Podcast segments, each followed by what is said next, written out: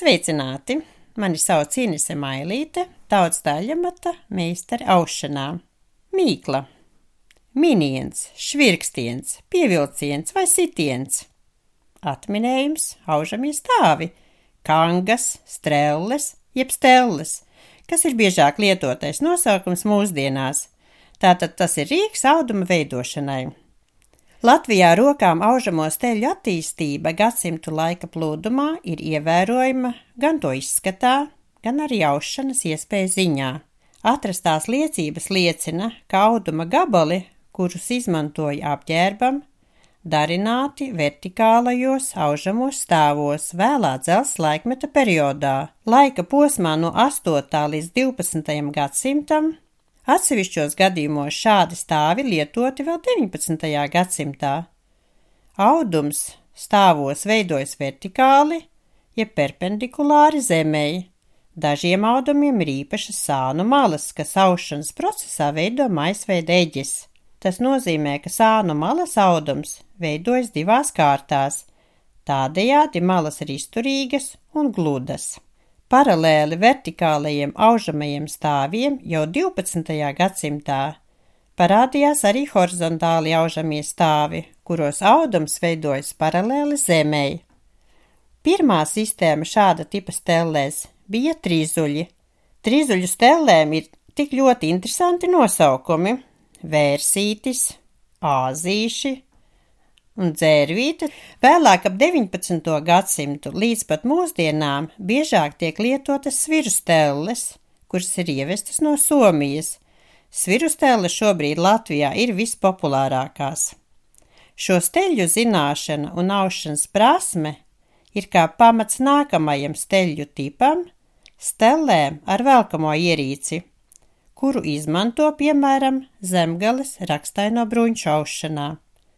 Šī aušanas prasme iekļauta Latvijas Nacionālajā nemateriālās kultūras mantojuma sarakstā, un lapā nemateriālā kultūra.lv teikts, velkamā ierīce tiek uzstādīta uz sviru vai trizuļu stellēm. Tā sastāv no caurumota dēļa, un tā galā piestiprināts divu sekciju rāmis. Pa dēļa viduslīniju ir saurts tik daudz caurumiņu, cik nīškārtās ir paredzēts aust. Jo vairāk nīškārtu, jo sarežģītākus rakstus ir iespējams noaust. Otra būtiskākā atšķirība ir steļu aizmugurējās daļas garums jeb dziļums, kas nosaka, cik nīškārtu varēs attiecīgajās stelēs ievietot. 20. gadsimta sākumā zemgalietis Pēters Viljamsons ir bijis pirmais, kurš izgudroja un patentēja savu vienpaminas pusautomātisko steļu variantu. Viljamsona stellēm ir vadības galva, sviru vai trīzuļu sistēmas vietā, kas saistīta ar nīšu kārtām un vienu paminu.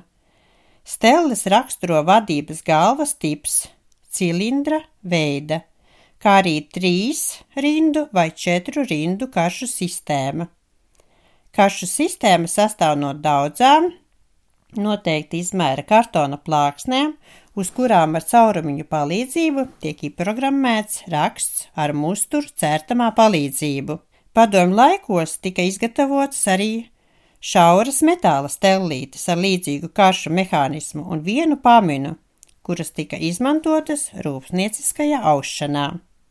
21. gadsimta sākumā Latvijā parādījās pirmās programmējamās stelles no Amerikas – No 2017. gada izplatījās Somijā ražotās programmējamās stelles. Ja Viljamsona stellēm auduma raksts tiek iecirsts kartona kartēs, tad šeit nepieciešamo rakstu uzzīmē programmā, kas instalēta datorā. Dators tiek savienots ar programmu bloku, kuram pievienotas nīšu kārtas un pamina. Minot paminu, programmu bloks no datora nolasa, kura Nīšu kārta jāceļ augšā, kura jāatstāj lejā. Aušanā var arī gleznot, jo gobelēnu stelēs to paustas gleznas gobelēni, kuru aušanas tradīcija Latvijā ienākusi 20. gadsimta vidū. Šīs stelles pārstāv vertikālo steļu veidu. Vēl viens izstrādājums, kura vārdu pārņēmušas arī stelles, ir josta. jo dažādi izpildījuma šauras stelles sauc par jostu stellēm, kuras lielākoties darbojas uz trizuļu principa.